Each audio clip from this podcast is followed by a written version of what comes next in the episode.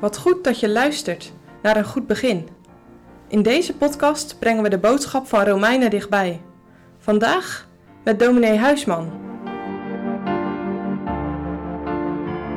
Wij lezen Romeinen 4, vers 16 tot en met 22.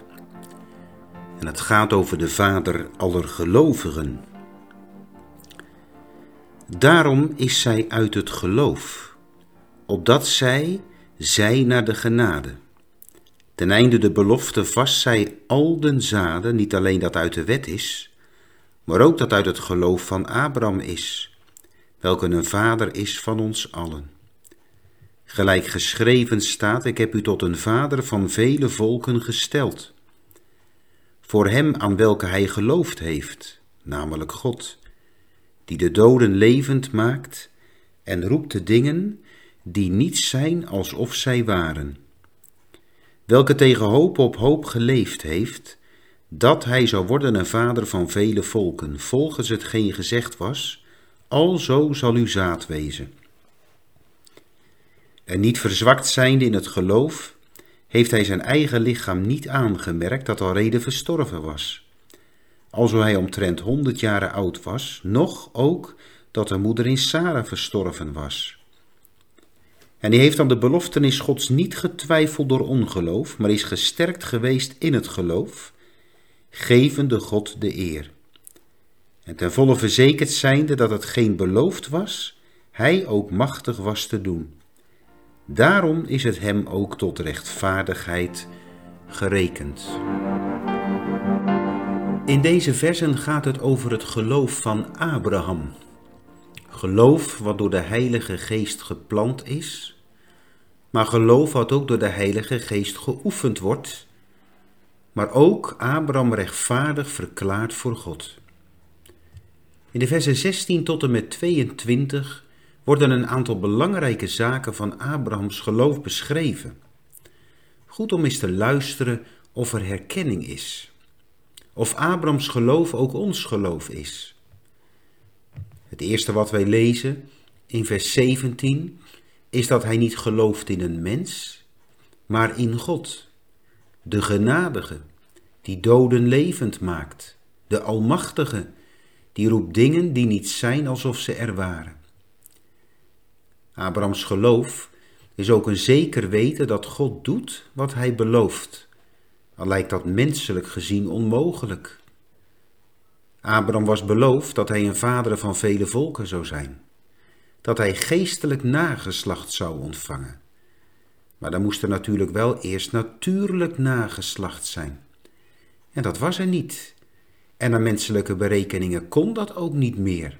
Hij was immers al honderd jaar oud en Sarah negentig, samen niet meer vruchtbaar.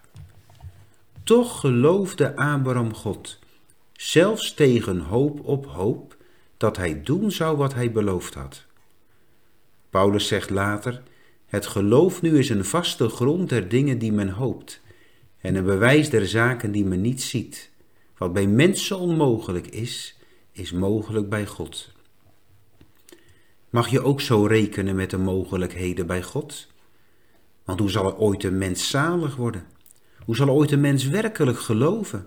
Onmogelijk, maar mogelijk bij God. En dat geloof van Abraham is ook bestreden. Als hij op zichzelf en zijn vrouw zag, ja, dan zal de moed soms in de schoenen gezonken zijn. Maar als hij dan weer eens omhoog mocht zien, was daar God, genadig en almachtig in zijn werken. En dan kon het weer. Wat zien we nog meer in het geloof van Abraham? Geduldig wachten. Alhoewel Sarah het hem heel moeilijk maakte. Geduldig wachten want hij heeft tegen hoop op hoop geloofd. Zo kan de Heere de vervulling van de belofte wel eens uitstellen.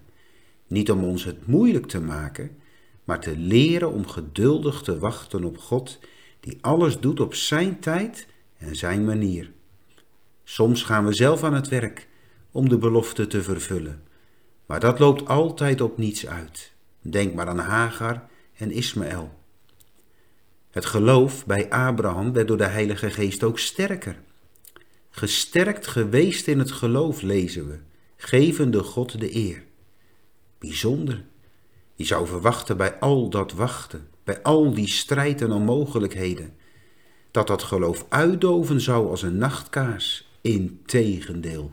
Hoe dat kan? Abraham had een tere omgang met God. Daardoor mocht hij steeds weer op de Heere vertrouwen. Hij steunde niet op mensen, maar op God en zijn woord. En dan kom je nooit beschaamd uit. Abraham had maar één toevlucht, God.